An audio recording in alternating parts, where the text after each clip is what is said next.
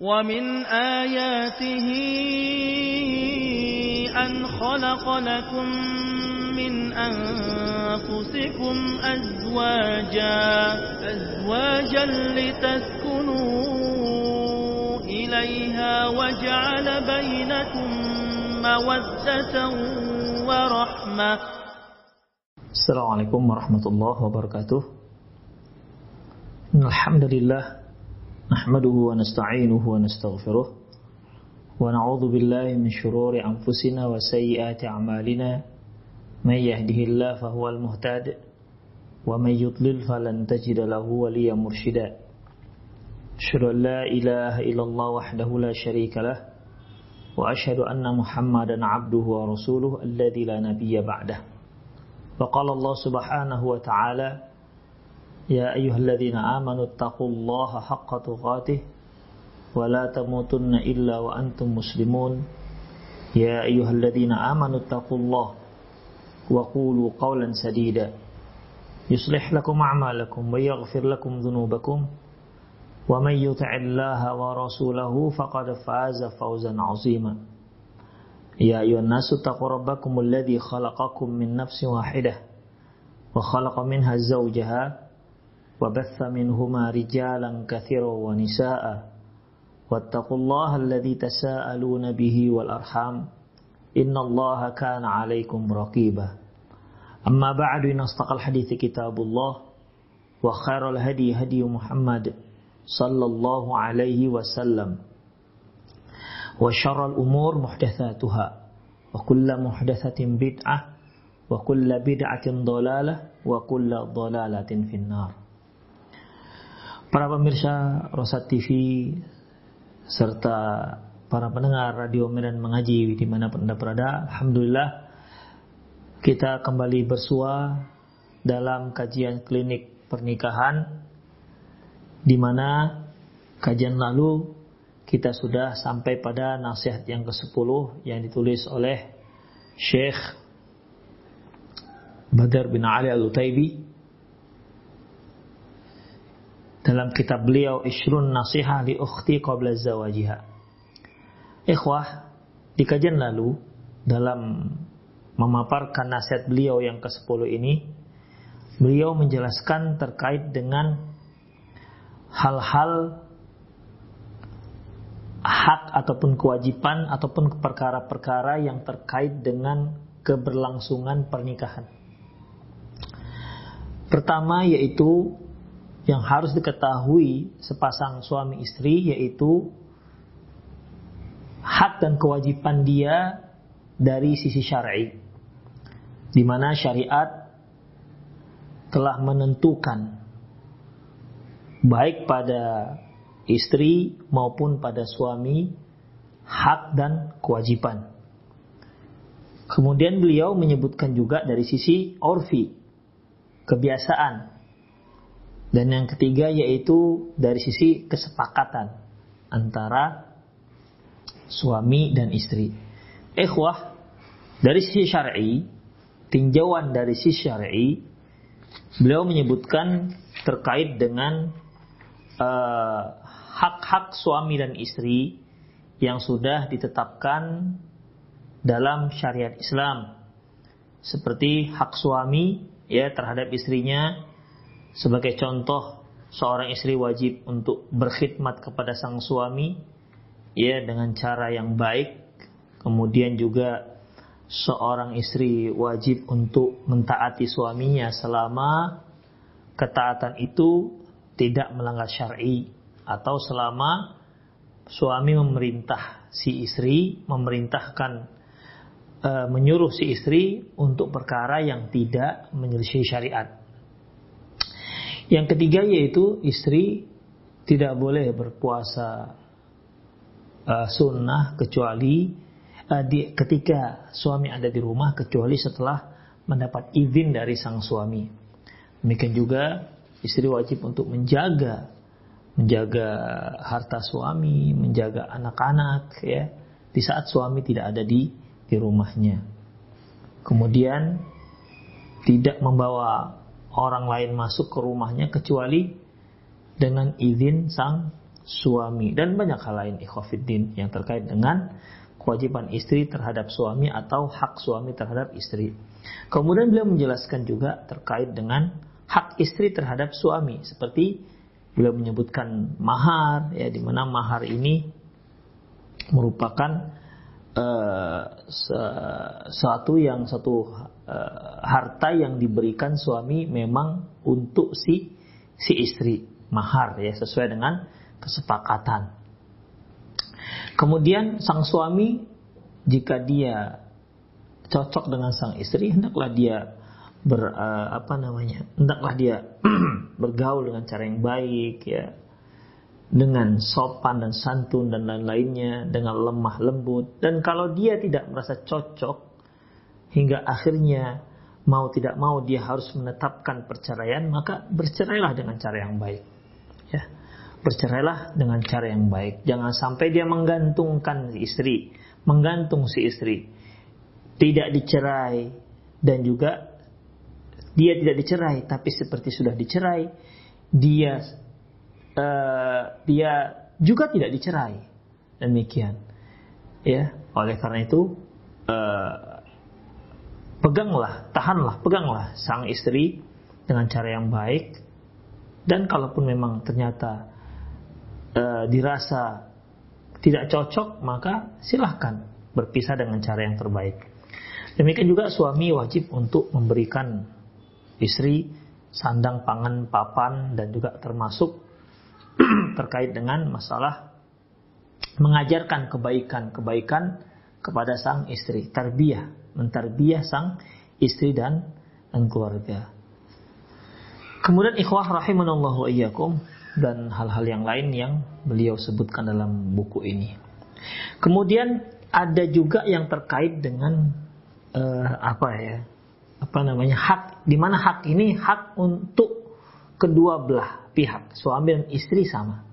Hak yang di mana antara suami dan istri memiliki hak yang sama, seperti uh, menempati janji yang telah disepakati sebelum terjadinya akad pernikahan, ya. Seperti misalnya ketika seorang lelaki melamar seorang wanita yang ada di kota Medan misalnya Kemudian si wanita menerima lamaran tersebut dengan syarat dia tidak mau dibawa ke Jawa misalnya. Dia tidak mau dibawa keluar kota misalnya. Kalau itu persyaratan diterima, ya disetujui, dia terima lamaran. Kalau tidak, kalau tidak dia tidak terima, tidak menerima. Akhirnya si laki-laki menerimanya. Maka ini syarat wajib untuk dilaksanakan. Kecuali setelah beberapa tahun menikah lantas si istri mencabut persyaratan tersebut. Itu lain lagi ceritanya. Namun ikhwah intinya kalau pernah ada persyaratan ya yang diberikan yang diajukan kepada si perempuan, si calon istri ya sebagai tanda uh, diterimanya lamaran tersebut, maka wajib untuk dilaksanakan al muslimu ala syurutihim uh, seorang muslim itu sesuai dengan persyaratan yang sudah di, disepakati. Termasuk juga para ulama berbicara terkait dengan masalah persyaratan ini yaitu jika sang istri me, mau menerima lamaran uh, sang wanita mau menerima lamaran si laki-laki dengan catatan dengan syarat dia tidak mau dipoligami misalnya. Maka ketika si laki-laki tersebut iya, ya saya tidak akan berpoligami, ya. E, saya menerima persyaratan tersebut, maka ketika si istri, ketika mereka menikah, maka al muslimu ala syurutihim, seorang muslim sesuai dengan persyaratan yang sudah mereka sepakati. Demikian juga si laki-laki, ya. Si laki-laki mungkin pernah memberikan syarat, ya pernah memberikan syarat. Misalnya persyaratannya dia seorang yang apa ya? Dia tidak suka kalau keluarga si perempuan sering-sering mengunjungi dia misalnya. Oke okay, kata si kata si perempuan. Ya oke okay, katanya. Kemudian uh, disepakati maka uh, persyaratan ini wajib untuk di, ditepati. Itu ikhafidin. Itu yang terkait dengan masalah menepati persyaratan yang sudah pernah disepakati, yang pernah disepakati. Kemudian apalagi hakul istimta yaitu uh, hak untuk mendapatkan kesenangan dari kedua belah pasangan. Jadi si, si istri berhak untuk mendapatkan kesenangan dari sang suami, suami juga berhak mendapatkan kesenangan dari sang sang istri. Itu dia, itu hak yang sama. Makanya kan dalam Islam tidak boleh seorang suami itu hanya mementingkan dirinya sendiri. Misalnya dalam dalam terkait dengan masalah hubungan biologis misalnya. Suami tidak bisa ego, yang penting dia sudah puas, ya, tidak dia tidak peduli dengan istrinya sudah atau tidak. Maka dalam masalah ini ikhwah ya, suami dan istri memiliki hak yang sama. Suami, istri memiliki hak yang sama. Demikian juga terkait dengan masalah rahasia. Di mana seorang istri uh, uh, punya berkewajiban untuk merahasiakan uh, rahasia suami dan demikian juga sebaliknya. Haknya sama, hak dan kewajibannya sama. Juga terkait dengan masalah uh, warisan, ya.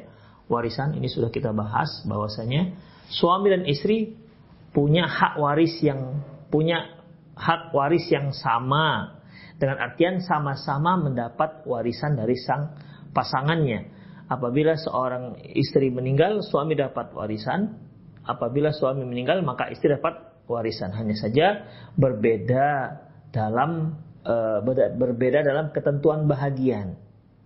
Itu dia. Di mana Allah Subhanahu wa taala menyebutkan apabila seorang suami apabila uh, istri meninggal maka suami mendapatkan setengah jika istri tak punya anak dan mendapatkan seperempat jika istri punya anak. Adapun suami istri ia akan mendapatkan harta warisan dari sang suami seperempat jika si suami tak punya anak dan mendapat warisan seperdelapan jika sang suami punya punya anak. Demikian juga terkait dengan uh, tarbiyatul aulad yaitu uh, mendidik anak-anak. Ini mereka berdua suami dan istri memiliki hak yang sama. Baik, itu yang sudah kita pelajari. Sekarang kita masuk pada uh, apa namanya? Masuk pada jihatul urfi. Artinya hukum-hukum yang terkait dengan masalah urfi. Urfi itu ikhafiddin, sesuatu yang ta'arf, yang sudah diketahui yang sudah diketahui uh, di tengah-tengah masyarakat. Ada kebiasaan-kebiasaan yang memang sudah dikenal tengah masyarakat dan Islam ikhwah Islam itu mengakui hukum tersebut ya. Mengakui hukum tersebut. Seperti ikhwah uh, ketika uh, Hindun mengadu kepada Rasulullah sallallahu alaihi wasallam tentang suaminya Abu Sofyan di mana dia berkata radhiyallahu anha in ya aba, ya Rasulullah wahai Rasulullah inna Abu Sofyan rajulun syuh. Ya Rasulullah Abu Sofyan itu seorang suami yang pelit. Jadi di mana dia tidak memberikan, ya, la yu'tini ma yakfini wa, wa waladi wa auladi. Dia tidak memberiku yang cukup untuk diriku dan untuk anak-anakku. Lihat apa kata Rasulullah SAW ketika dia ditanya, apakah boleh aku mengambil hartanya tanpa sepengetahuannya, tanpa sepengetahuan Abu Sofyan. Lihat apa jawab Rasulullah Sallallahu Alaihi Wasallam. Hudi ma yakfiki wa waladiki ma yakfiki wa waladuki bil ma'ruf. Ambillah yang cukup untukmu dan anakmu bil ma'ruf. Ma'ruf ini yang sudah biasa, ya ya cukup cukup di daerah itu bagai berapa misalnya ya karena bisa saja ikhwah eh, apa namanya uang belanja lah kita katakan uang dapur uang harian. Mungkin berbeda satu tempat di tempat yang lain. Terkait biasanya juga terkait dengan harga barang. Mungkin di Kuwait berbeda dengan di Indonesia. Mungkin di Medan ataupun Pekanbaru berbeda uh, berbeda dengan misalnya Jogja misalnya ya, yang relatif konon katanya lebih murah. Demikian tentunya cukupnya, cukupnya orang Kuwait berbeda dengan cukupnya orang Jogja, berbeda dengan cukupnya orang Medan. Itu dia. Jadi ini dikembalikan kepada kepada urfi, ya kebiasaan setempat cukupnya berapa. Kalau dia le mengambil lebih daripada itu, maka berdosa. Kembali kepada hukum asal. Hukum asal mengambil barang tanpa izin itu hukumnya haram. Itu dia ya ikhwah. Khudhi ma yakfiki wa waladuki bil ma'ruf. Urf ini dia. Kebiasaan setempat. Berapa yang cukupnya itu berapa. Ya. Uh, biasanya masyarakat cukupnya berapa untuk kebutuhan primer. Itu ikhwah. Ya. Demikian juga Rasulullah sallallahu eh, Allah Subhanahu wa taala firman eh, wa'mur bil khudil afwa wa'mur wa'mur bil urf. Khudil afwa wa'mur bil urf. Uh, maafkanlah dan perintahkan al urf yaitu untuk berbuat baik-baik yang sudah di uh, diketahui ya diketahui uh, uh, di antara sama masyarakat. Demikian ikhwah rahimanallah wa iyyakum. Hanya saja memang Malah masalah urfi ini ada syarat-syaratnya. Ya. Islam tidak menetapkan semua urfi, semua kebiasaan bisa diambil. Tidak. Tidak demikian. Jadi ada syarat-syaratnya yang namanya urfi, kebiasaan, adat istiadat boleh dijadikan hukum selama tidak selama memenuhi syarat-syarat. Ya.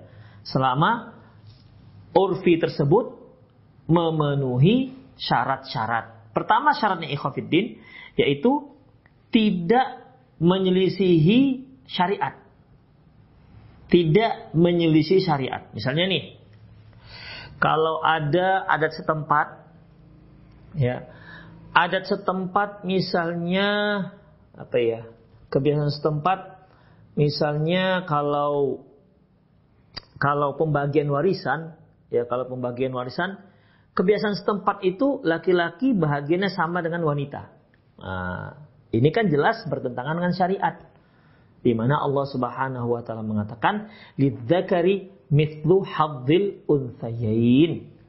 Bahagian laki-laki dua kali bahagian perempuan. Itu ketetapan syariat namun ketika adat istiadat setempat menyatakan bahwasanya bahagian laki-laki itu sama dengan perempuan atau mungkin sebaliknya bahwasanya yang menerima warisan itu hanya kaum perempuan, laki-laki tidak, maka ini tidak boleh dilaksanakan ya. Istiadat ini, adat ini, kebiasaan ini tidak boleh diambil yulgho, dia dibuang dalam syariat. Ya dia tidak mu'tabar, tidak bisa dilaksanakan. Karena kenapa? Tak bisa jadikan sebagai hukum ketetapan karena dia jelas bertentangan dengan bertentangan dengan uh, kebia, uh, bertentangan syariat.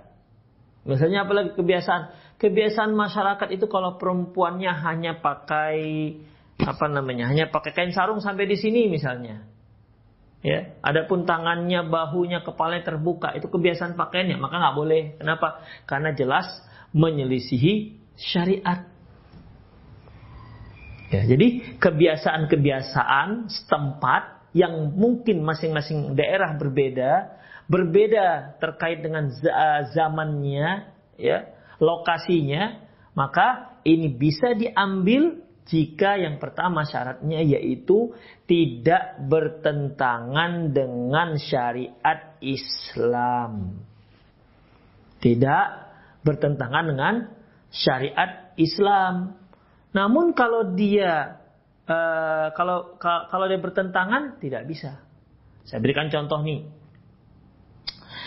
Biasanya kalau seorang melakukan walimah itu ada hantaran, ya Biasanya macam-macam akuarium itu loh dibawa. Dalamnya terkadang ada sepatu untuk si akhwatnya. Ini biasanya yang bawa ini keluarga laki-laki. Ada baju, kadang-kadang ada buah-buahan atau ada kue-kuean dibawa sengaja ya dibawa sengaja atau juga ada berupa eh, apa namanya hiasan hiasan itu tapi dari uang yang dilipat-lipat. Uang 50 ribu atau uang 100 ribu begitu. Ah, ini kan sebagai hadiah, tidak bertentangan dengan syariat. Tidak bertentangan dengan dengan syariat. Maka kalau dilakukan nggak masalah. Itu dia. Kalau dilakukan tidak masalah. Dalam Islam ini nggak ada. Tidak ada. Ini sebuah nggak ada. Yang ada dalam Islam yaitu mahar. Adapun hantaran-hantaran segala macamnya tidak tidak ada tetapkan dalam dalam Islam. Maka boleh kita berikan antaran. Demikian ikhwah. Ini salah satu uh, kebiasaan yang boleh kita lakukan, ya. Yang boleh kita melakukannya. Misalnya kalau adat orang Minang misalnya, ya, ketika marapulai laki-lakinya datang disambut dengan pencak silat. Nah, boleh silakan pencak silat ada masalah, asalkan tidak pakai musiknya, Bu. Apa namanya?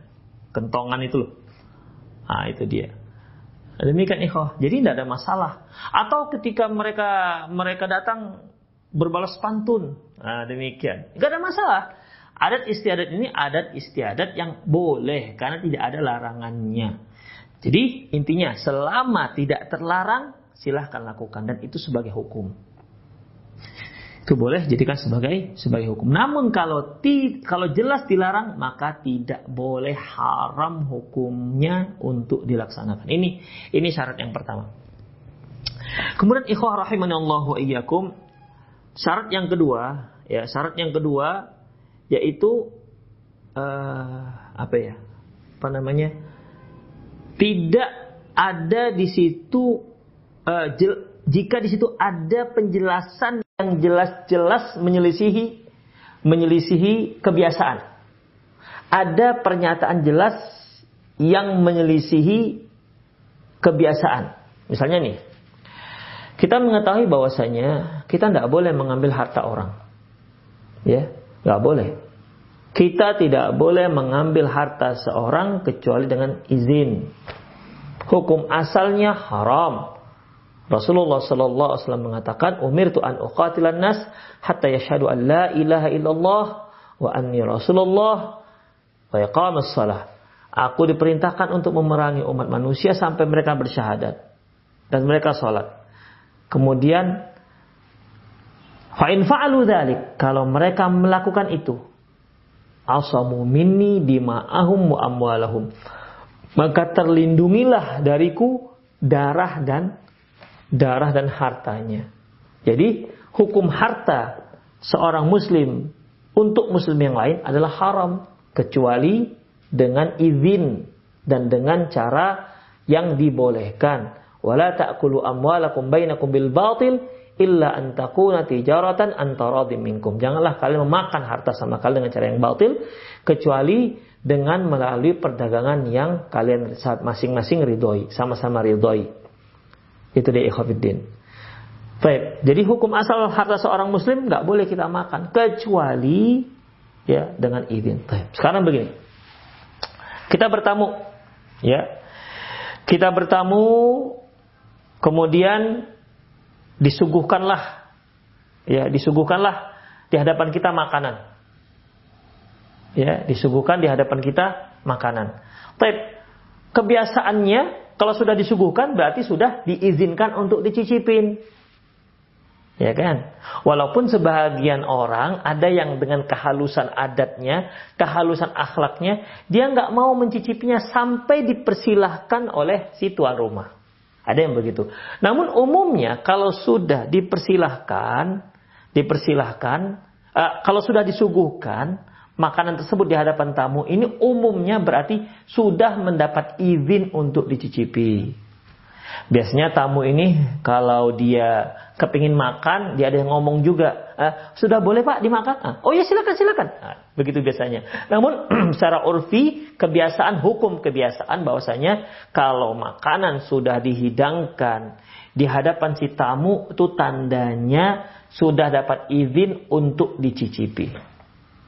Itu dia kan. Kecuali, nah, kecuali kalau si penghuni rumah mengatakan jangan ada yang makan sampai saya izinkan.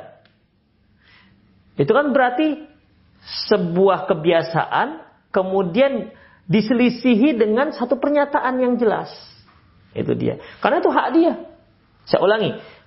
Ketika kita eh, penghuni rumah menyajikan makanan di hadapan tamu, itu secara urfi, ya adat, kebiasaan itu menunjukkan sebuah keizinan. Dah, di mana pun dia.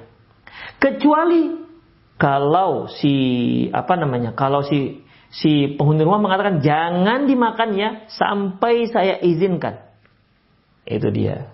Itu namanya kebiasaan ya. Yang kedua yaitu kebiasaan boleh dilaksanakan kecuali jika ada pernyataan jelas yang menyelisih kebiasaan tersebut. Saya berikan contoh lain. Kebiasaan misalnya kalau kita di jalan tuh ada lampu merah, tengah hij, eh, tengah kuning, paling bawah hijau. Ya. Kalau hijau jalan, kalau kuning siap-siap berhenti, kalau merah berhenti. Balik lagi kuning, uh, kemudian balik lagi hijau. Nah, demikian. Itu kebiasaan dan itu sudah diketahui semua orang. Pokoknya kalau dia hijau berjalan, kuning siap-siap berhenti, merah berhenti. Yang melanggar ditilang. Itu dia. Tip. Sekarang kita lihat ada polisi di tengah jalan. Padahal kita lihat lampu sedang lampu merah, warna merah. Tapi dia katakan, lanjut pak, lanjut, terus, terus, terus, terus, terus. Ini menyatakan bahwasanya kebiasaan yang diselisihi dengan ketentuan-ketentuan tertentu. Ya, kalau ada yang kalau ada yang ketika lampu merah yang seharusnya berhenti, namun di situ ada polisi yang menyuruh menyuruh dia untuk lanjut, pasti dia akan ditegur oleh polisi. Gak bisa dia mengatakan, oh pak ini kan merah. Begitu. Itu namanya kebiasaan yang diselisihi. Ya, jelas ada pernyataannya. Demikian itu uh, yang kedua yaitu jika uh, memang ada yang menyelisihi penjelasan yang menyelisihi secara jelas kebiasaan tersebut sehingga tidak tidak berlaku sesuai dengan kebiasaan. Contoh lain. Misalnya nih, biasanya kalau kita beli perabot, kita beli perabot rumah, beli lemari misalnya, kan nggak mungkin kita gotong kebiasaannya ya kebiasaannya yaitu kalau kita beli benda-benda seperti ini itu harganya sudah sekalian transportasi benda yang kita beli sampai ke rumah. Ya kan? Baik. Tapi kalau si penjual mengatakan, "Pak, kami tidak kami tidak punya transportasi sampai ke rumah. Ini harga tidak dengan transport." Nah, berarti kan menyelisihi. Padahal pada umumnya kalau orang jual-jual furniture seperti itu, lemari, tempat tidur, itu umumnya diantar sampai rumah. Harga yang kita berikan diantar sampai rumah. Demikian. Itu contoh. Ya, jadi kebiasaannya, kebiasaan harga itu sudah sampai di rumah. Tapi karena dia nyatakan, tapi ini harga tidak sampai di rumah. Itu namanya menyelisihi kebiasaan. Dan itu jelas. Berarti hukumnya sudah ber, berubah pada saat itu. Misalnya lagi, seorang beli kambing. Umumnya orang beli kambing dengan tali kambing. Talinya. Kambing kan bukan tali dan tali bukan kambing. Tapi kalau si penjual kambing mengatakan, Pak saya jual kambing, talinya nggak saya jual ya. Berarti itu menyelisih ke kebiasaan. Kalau dia sepakat, kalau dia sepakat, si pembeli sepakat, ya udah, berarti dia nggak beli tali kambing. Tali kambing nggak termasuk. Kalau dia uh, apa namanya? Kalau dia kalau dia enggak sepakat, ya udah berarti dia silakan cari cari kambing yang lain yang akan dia beli. Ini namanya uh, apabila uh, apabila kebiasaan tersebut kebiasaan tersebut tak berlaku jika ada pernyataan yang menyelisihi dari kebiasaan tersebut dan itu disepakati pernyataan tersebut. Demikian ikhwah. Kemudian selanjutnya yaitu kalau uh, Kebiasaan itu yaitu yang sudah berlaku secara umum. Yang sudah berlaku secara umum. Misalnya nih, saya saya misalnya beli apa ya? Beli HP, ya. Beli HP. Berapa nih HP Pak? Atau bendera? Saya tanya ini, berapa Pak bendera? Dia katakan seribu atau lima ribu. Deal, deal. Kemudian saya keluarkan duit 5000. Kata si penjual, "Oh Pak, bukan 5000 rupiah, 5000 real." Nah, 5000 real. Demikian. Ini bagaimana? Mana yang diambil? Atau ya, atau dia sudah ambil barangnya. Uh, besok saya saya kasih uangnya, besok transfer uangnya. Misalnya HP ini, HP berapa ini harganya? Harganya 2 juta. Oke. Okay. Percayakan saya, kata si pembeli, si, kata si, si pen, apa, pembeli. Percaya, besok saya beri duitnya. HP-nya saya ambil duluan. Oke, okay? oke. Okay. Berapa? 2 juta. Kemudian, besok dia datang membawa uang 2 juta rupiah. Kata si penjual, ah, yang saya maksud Enggak kok 2 juta. Yang saya maksud 2 juta real. Misalnya begitu ya. Waduh. Misalnya 2 juta real misalnya. Atau dia jual beli dolar. Atau dia beli pakai dolar. Ya, dia pakai dolar. Uh, misalnya di ya di mungkin di Medan ini ada pasar internasional yang jual belinya pakai pakai dolar. Ya. Berapa ini? 100 dolar. Oke. Okay. Sambil dulu ya barangnya, besok saya kasih duitnya. Oke. Okay. Besok besok datang 100 dolar. Pak, yang saya maksud bukan bukan dolar Amerika tapi dolar Kuwait. Atau dolar Singapura. Atau dolar apalah misalnya. Ya. Jadi bagaimana ikhwah? Nah, maka yang berlaku, hukum yang berlaku adalah kebiasaan di situ pakai dolar apa? Kebiasaan di situ pakai uang apa? Begitu. Kebiasaannya pakai pakai uang apa? Kalau kebiasaannya pakai uang dolar Amerika, maka ditetapkan hakim akan menetapkan dolar Amerika, bukan dolar Singapura. Ya, atau dolar yang lainnya yang mungkin lebih mahal atau lebih murah. Demikian. Ya. Itu namanya kebiasaannya apa? Ketika terjadi perselisihan. Itu dia. Beda halnya macam yang kedua tadi. Kebiasaannya pakai dolar Amerika. Dia katakan, tapi ma saya mau pakai dolar dolar negara ini misalnya. Deal dia berarti berarti harganya sesuai dengan kesepakatan, tidak yang menyelisihi kebiasaan. Contoh lain apa ya? Contoh lain, misalnya nih, biasanya kan kalau pelajar itu naik angkutan angkutan umum itu Biasanya kalau pelajar naik ang angkutan umum, uh, apa namanya, dia punya ongkos tersendiri, tarif tersendiri, ya kan? Misalnya kalau kalau tarif misalnya dari uh, Universitas Madinah ke Masjid Nabawi misalnya, itu ada tarif dua real misalnya. Udah, itu udah umum, udah ma'ruf. Tapi ketika tiba-tiba si yang punya bus atau yang punya angkutan umum minta 10 real, mereka berputar, oh nggak bisa, saya minta 10 real. Kata si mahasiswa, oh nggak bisa pak, ini biasanya cuma 2 real, kok bapak minta 10 real, kan terjadi pertengkaran. Maka dikembalikan kepada urfi, yaitu kebiasaan. Kebiasaannya apa? 2 real, maka 2 real. Ya, kalau ini masalah diangkat ke hakim, maka diambil yang kebiasaannya. Demikian. Misalnya dari uh, kalau dia pelajar dari Pinang Baris ke sekolahnya misalnya, ke sekolahnya sekolahnya ada misalnya di daerah USU misalnya. Biasanya 5000. Tapi kali ini yang sopir angkot, angkutan umumnya, angkutan kotanya minta sebut minta misalnya eh, sepuluh ribu. Dia kata, oh pak biasanya lima ribu. Nah begitu.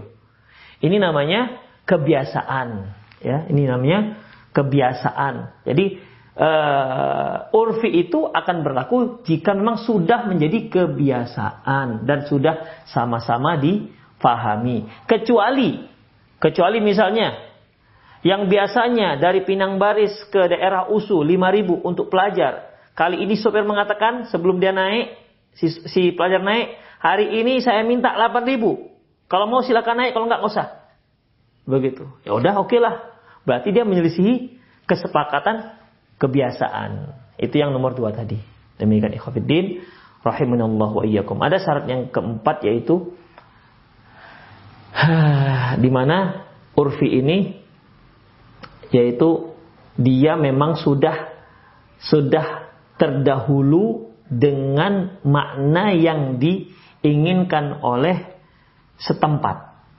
Misalnya nih, kalau dahulu ada orang yang berwakaf atau memberikan hadiah, uh, ini rumah ini aku berikan untuk putraku, putra-putraku, untuk putra-putraku.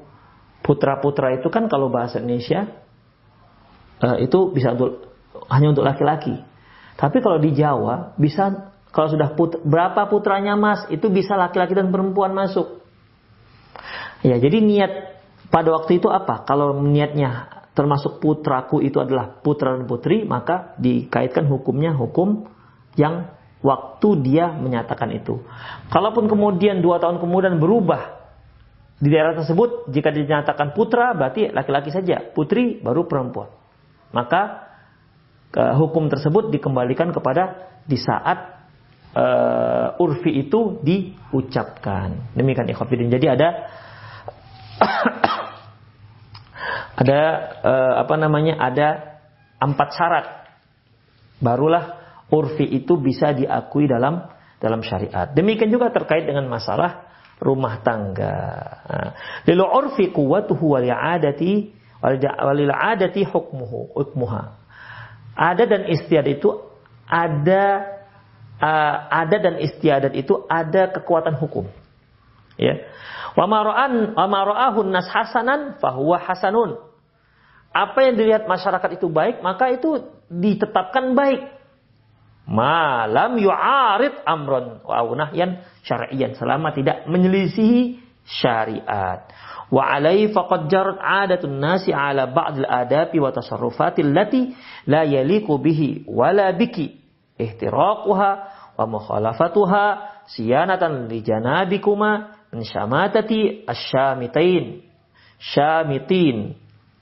Oleh karena itu ya berlakulah adat istiadat dalam beberapa etika dan perilaku yang tidak boleh kamu langgar. Ya. Wahai para istri jadi di situ ada etika dan perilaku yang tidak boleh dilanggar oleh seorang istri. Walaupun dalam hukum syariat dia boleh nggak ada masalah. Tapi karena etika adat istiadat setempat menyatakan itu dilarang, maka jangan lakukan, jangan dilanggar. Ya. Jangan dilanggar. Ingat, walaupun syariat tidak melarang. Jika kebiasaan setempat itu melarang, maka jangan lakukan. Misalnya nih, kalau ada satu tempat itu aib kalau ada perempuan seorang gadis duduk di teras rumah misalnya. Ya. Ya, wanita duduk di teras rumah nggak ada masalah selama dia menutup aurat. Nggak ada masalah. Wong dia ke pasar boleh. Ya. Tapi jika kebiasaan setempat wanita aib kalau wanita itu duduk di teras rumahnya, maka wahai para istri, janganlah anti menyelisih kebiasaan ini. Ya. Janganlah menyelisih adat istiadat ini. Karena uh, tidak duduk di teras itu tidak menyelisih syariat. Ya. Yaitu untuk menghindari adanya apa namanya ya cercaan dari orang lain. Ya. Ya, cercaan dari orang lain.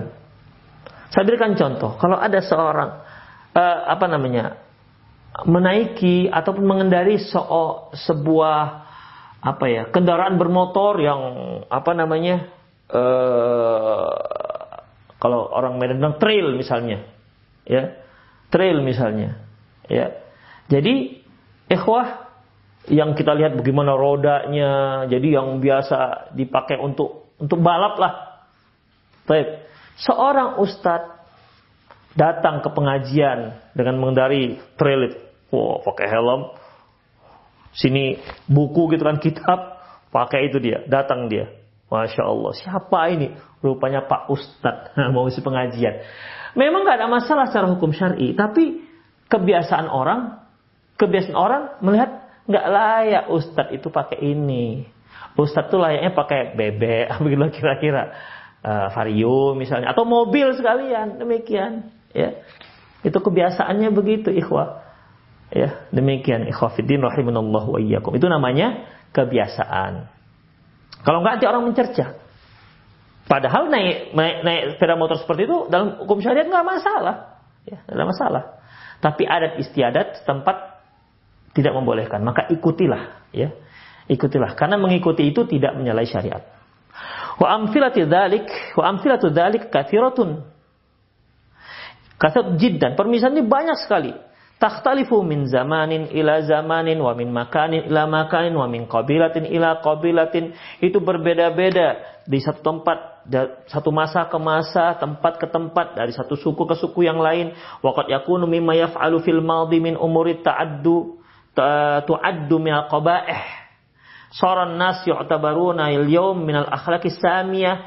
Bisa saja dahulu orang-orang dahulu satu perbuatan itu dianggap sebuah perbuatan yang aib, tapi orang sekarang menganggap sudah baik-baik saja nggak ada masalah.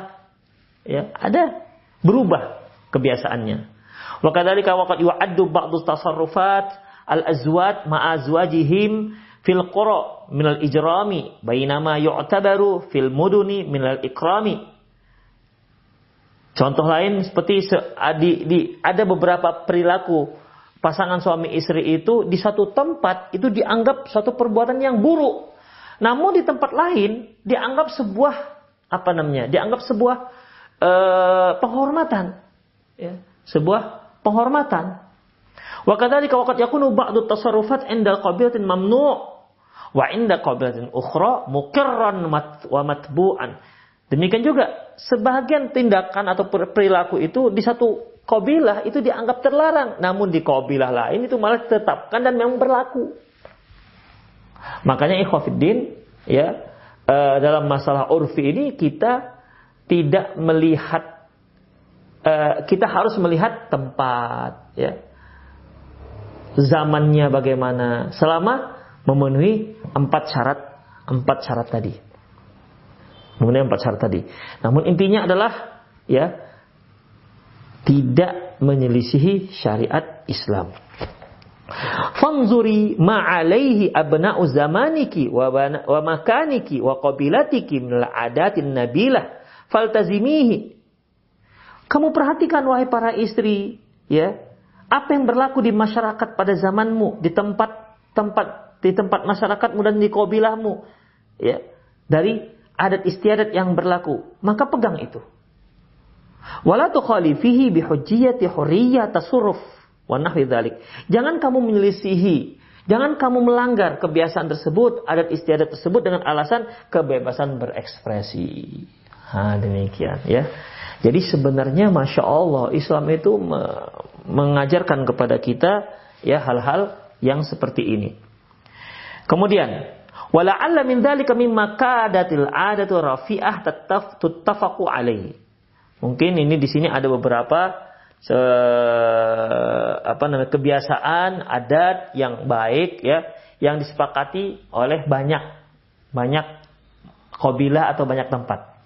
Di antaranya tajannubu nidaihi bi ismihi mujarradan. Ya. Jangan panggil nama suami Misalnya namanya siapa ya? Nama nama abangnya si apa ya misal Udin misalnya. Jadi dia panggil abangnya, Den, Den, Den, sini Den, sini Den. Eh wah, saya kira di kobilah mana saja, terutama di Indonesia, istri jika memanggil suaminya nama itu termasuk satu hal yang nggak sopan. Dalam syariat tidak ada tentukan. Tidak ada dalam syariat ketika kamu manggil suamimu, panggillah kunyah, nggak ada. Ya, tidak ada, ikhwah. Makanya ini kembali kepada adat istiadat setempat. Tidak dibolehkan. Jika di adat istiadat setempat tidak dibolehkannya seorang istri memanggil nama suaminya, maka jangan dia lakukan. Ketemu dia dengan suaminya, Din, Din, sini Din. Soalnya, ya Allah, manggil suaminya Udin, Demikian, ya. Jadi ini satu dalam aset istiadat kita yaitu satu hal yang tidak tidak sopan. Jadi faminal adabi munadatiha mudanatihi munadatihi bikunyatihi au bi ayyi lafzin yuhibbuhu ayusmi'uhu minki ayasma'aha ayasma'ahu minki. Di antara adab termasuk adab yaitu memanggilnya dengan kunyah. Misalnya anaknya Muhammad Abu Muhammad. Nah, kalau kita kan manggilnya biasanya Bang atau apalagi Mas ya atau juga biasanya manggil manggil dengan panggilan yang akan diajarkan kepada untuk anaknya. Kalau dia ingin anaknya memanggil suaminya ayah, maka si istri manggil ayah supaya, suaminya uh, supaya anaknya terbiasa manggil ayah. Kalau dia ingin agar anaknya memanggil suaminya itu abi, ya abi, maka istri pun ikut manggil abi. Si suami manggil umi, itu namanya panggilan-panggilan, ya. Artinya yang si suami itu senang mendengarnya.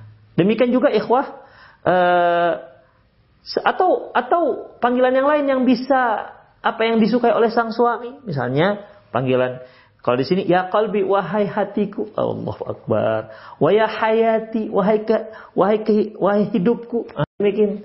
Ya, kalau bahasa kita ya panggilan kalau orang modern dikit gitu kan, panggil beb, ah begitu beb. Allah alam mungkin dari asal kata Habib ya, Habibi. Panggil Habibi, Habibi, Habibi, Habibi. Masya Allah. Itu sayangku. Ya, bahasa Indonesia ya, yang sayang itu sayang artinya ya. Sayang atau hani, my honey. Nah, gitu-gitu. Tidak masalah ya. Tidak masalah jika memang panggilan itu memang su disukai oleh sang suami. Demikian juga suami memanggil istri hendaklah memakai panggilan yang disenangi oleh sang istri. Demikian. Rasulullah kan pernah menggunakan kalimat ya Aish. Ya Aish itu panggilan kesayangan. Ya Humairah Nah, itu juga panggilan kesayangan untuk Aisyah radhiyallahu anha. Hadis ini memang sebagian ulama di mana Rasulullah memanggil Aisyah dengan kalimat ya Humairah ya. E, sebagian ulama ada yang doifkan namun yang sahih bahwasanya sebagaimana yang dikatakan oleh Al Hafiz bin Hajar bahwasanya ya hadis ini sahih Rasulullah memanggil e, Aisyah dengan kalimat ya Humairah wahai yang kemerah-merahan pipinya itulah dia ya jadi jangan manggil nama istri nggak boleh manggil nama suaminya.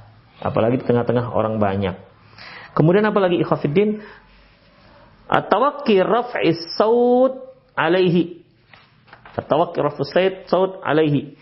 Yaitu tidak mengeraskan suara. Ya, tidak mengeraskan suara. Ya, seorang istri bicara dengan suami dengan lembut, tidak kuat suaranya, apalagi melebihi suara suara suaminya. Kemudian ada musairi ada musiari amamahu min ghairi hajatin. Tidak berjalan di depannya. Sebagian adat itu ikhafiddin, ya. Ada di mana salah satu penghormatan istri kepada suami di mana tidak boleh istri berjalan di samping suami, tapi hendaklah dia di belakang suami. Pernah saya lihat itu, itu bahkan bisa bisa semeter atau dua meter di belakang suami. Jadi suami di depan, Istri dua meter di belakangnya. Nah, begitu cara mereka. Dalam Islam nggak disebutkan. Istri itu jalan di mana kalau bersama dengan suaminya. Apakah depan, di samping, di belakang? Nggak disebutkan. Dan dan apa namanya? Dan dan dalam adat istiadat tertentu ada menyebutkan ini. Maka ikutilah. Kenapa? Berjalan di di belakang suami nggak ada hukumnya. Di samping suami juga nggak ada hukumnya. Boleh boleh saja tidak menyalahi syariat. Berjalan di samping suami berjalan di belakang suami berjalan di depan suami, suami istrinya depan, suami di belakang, ya nggak ada masalah, tidak menyalahi syariat. Namun jika dalam uh, ada tertentu ada uh, aturannya, maka lakukanlah itu. Ya, lakukanlah itu. Demikian ikhwah, rahimani Allah wa iyyakum. Fal fal adabu an tamshiya bi janibihi aw mutaakhirati anhu qalilan ihtiraman lahu wa ijlalan. Di antara adab uh, kamu wahai para istri eh, apa namanya berjalan di samping sang suami ya atau di belakang sedikit nah, begitu demikian tidak di di depan suami ini namanya kebiasaan ya kebiasaan nah kalau sekarang bisa orang kota malah ke mana-mana digandeng istrinya di samping ya, tidak di belakang. Demikian ikhwah. Jadi intinya adalah itu semua adat kebiasaan di suatu daerah. Apa yang berlaku? Jika memang sang istri jalannya di samping, di sampinglah. Jika istri jalannya di belakang suami, maka berjalanlah di belakang suami. Demikian disesuaikan dengan adat ke kebiasaan yang berlaku di daerah tersebut dan daerah tersebut dan jangan diselisihi. Ada mutaklifi bi syara'i hajatiki an-nisa'iyyah khassah. Tidak membebani dia, tidak menyuruh dia untuk memberi peralatan-peralatan kewanitaan misalnya abangnya pergi ke kantor, bang titip titip uh, pembalut misalnya. Yang begini-begini kan tidak tidak wajar ikhafidin. Walaupun tidak ada masalah, ya syariat nggak ada melarangnya. Namun jika di satu tempat kebiasaan satu tempat di mana mereka menganggap aib kalau seandainya sang suami membeli peralatan-peralatan khusus sang istri, maka jangan lakukan. Ya, jangan lakukan. Itu dia ikhwah. Kemudian apalagi sulukul hudu fil bait indal hululid daif yaitu tenang. Di rumah dibuat tenang ketika ada tamu. Jadi jangan ribut, ikhwatiddin. Ya, umumnya para tamu itu tidak suka kalau dia sedang bertamu ribut bilang keluntang keluntung keluntang seperti ada orang bertengkar. Ya, sepertinya seolah-olah nggak senang dengan kedatangan tamu ini. Maka ikhwah ya tidak dibenarkan. Kebiasaan. Kebiasaan. Demikian juga ketika uh, penghuni rumah itu menyiapkan hidangan untuk tamu. Itu sebaiknya tidak ada suara tapi keluntang, keluntung begitu, pokoknya ribut. Ya, seperti orang ya pokoknya dalam menyiapkan itu satu hal yang membuat keributan. Umumnya tamu tidak suka seperti itu. Ya, umumnya tidak suka seperti itu. Ya walaupun nggak ada masalah dalam syariat ketika ketika apa namanya ketika sang uh, istri menyiapkan teh manis misalnya berbunyi dia klitik klitik klitik Sebenarnya nggak ada masalah. Ya. Untuk orang Medan nggak ada masalah. Ketika dia mengaduk gula di teh, di teh atau di kopi, berbunyi nggak ada masalah. Tapi di Jogja bermasalah. Bagi mereka itu kurang adab. Jadi bagaimana ketik untuk di Jogja, kebiasaan Jogja, kalau kita mau mengaduk teh, mengaduk gula di teh ataupun di kopi nggak boleh berbunyi, silent. Di Medan nggak ada masalah, kuntang, duduk, duduk, duduk, nggak ada masalah. Nah, itu dia ikhwafiddin. Ya. Nah, itu namanya kebiasaan. Makanya ketika kita di Medan ya silakanlah bunyi-bunyi sedikit nggak masalah. Di Jogja jangan, karena bagi mereka itu sebuah aib. Istri yang nggak punya adat, gitu. Nggak ngerti kebiasaan sopan santun setempat. Itu dia ikhwah rahimanallah wa iyyakum. Demikian juga munada bis saut min rijal, memanggil sang suami di antara laki-laki. Misalnya uh, suami dengan laki-laki yang lain, oh bang bang bang bang bang begitu, begitu. Ya itu kurang adab. Bang, apalagi sampai sweet, ah, apalagi sampai begitu. Berarti istrinya mantan preman tuh berarti. Jadi ikhwah itu menyalahi adat istiadat, menyalahi kebiasaan. Jadi datangilah atau pakai isyarat. Pakai isyarat, tidak teriak, ya. Tidak teriak seperti apa namanya supir angkot ngajak-ngajak orang untuk ang, supir untuk ngajak-ngajak orang naik angkutan umum ya sabu sabu sabu kan begitu bagi seorang akhwat tidak layak begitu ikhwah. Demikian juga selanjutnya ikhwah taklifu bil hamli tifli min ghairi hajatin asna isyar kharil manzil. Yaitu membebani sang suami untuk menggendong anak ketika di luar rumah. Jadi di satu tempat aib kalau suami itu pergi bersama istrinya dengan membawa anak, anak digendong suami. Kebiasaan mereka anak itu digendong istri. Kalau suami yang gendong anak itu aib. Beda dengan kita. Ya. Kalau kita di Medan, kalau uh, kalau apa namanya, kalau uh, si suami yang gendong anak nggak aib, biasa-biasa aja, ya. Istri capek, oper suami, suami capek, oper ke istri, begitu. Ya, demikian. Walaupun banyak juga sebagian suami nggak mau dia, mau dia mau gendong anaknya, maunya istri. Istri yang gendong dua-dua, aduh itu yang anak yang dua tahun sebelah kiri, yang empat tahun sebelah kanan. Kadang-kadang yang enam tahun di bawah. Semuanya dengan dengan istri ya. Ini para, para suami juga harus perhatikanlah ini. Ya, masa tiga anaknya istri semua yang bawa? Untung satu lagi di belakang, jadi empat. Kiri, depan, kanan, belakang. Satu lagi jalan sendiri. Ayahnya mana? Tuh, di depan, masya Allah. Ya, sambil main HP. Ya, ini tak dibolehkan ya Khafiddin. Jadi intinya ada satu daerah itu di di kebiasaan mereka suami aib kalau menggendong anak. Suami itu aib kalau menggendong anak. Jadi biasanya yang menggendong anak itu adalah istri. Maka jangan jangan dilanggar.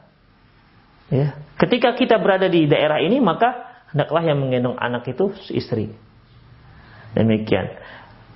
Mungkin di tempat lain yang menggendong anak itu malah suami, maka suamilah yang menggendongnya. Masalah yang mana yang seharusnya menggendong anak? Istri apa suami? Nggak ada masalah. Mau suami yang menggendong, mau istri yang menggendong, nggak ada masalah. Istri menggendong tak menyalahi syari, suami yang menggendong juga tidak menyalahi syari. Itu dia. Karena memang kaidah dasarnya tidak boleh menyalahi syari selama kebiasaan tersebut tidak bertentangan dengan dengan syariat. Demikian ikhwatiddin rahimunallahu wa iyyakum. Wa ala hadza mital wa wa ala wa ala wa ala mithli hadza faqisi min al akhlaqi wat tibai al mardiyah faltazimi biha wa la tukhalifiha. Wa mukhalafatul ma'luf min khawaril muru'ah. Inilah contoh-contohnya. Silahkan kamu cari lagi akhlak-akhlak yang lain, yang cocok, yang baik, ya. Kemudian lakukanlah itu. Jangan jangan kamu selisihi kebiasaan-kebiasaan yang baik ini. Karena menyelisihi kebiasaan setempat yang tidak menyalahi itu termasuk pelanggaran terhadap norma dan etika. Itulah ikhafidin yang dimaksud oleh uh, penulis yaitu menjihati syar'i, uh, menjihati urfi, di mana hendaklah suami istri memperhatikan uh, kebiasaan adat istiadat setempat. Ingat selama tidak menyelisihi atau tidak melanggar kaidah-kaidah syar'i. Demikian ikhwah rahimanallah wa iyyakum. Saya kira itu saja kajian kita semoga bermanfaat. Aku lu qauli hadza wastaghfirullah li wa lakum wa muslimin innahu al rahim maaf Wan uh, untuk tanya jawab kita pending dulu sampai besok ya untuk dikarenakan satu hal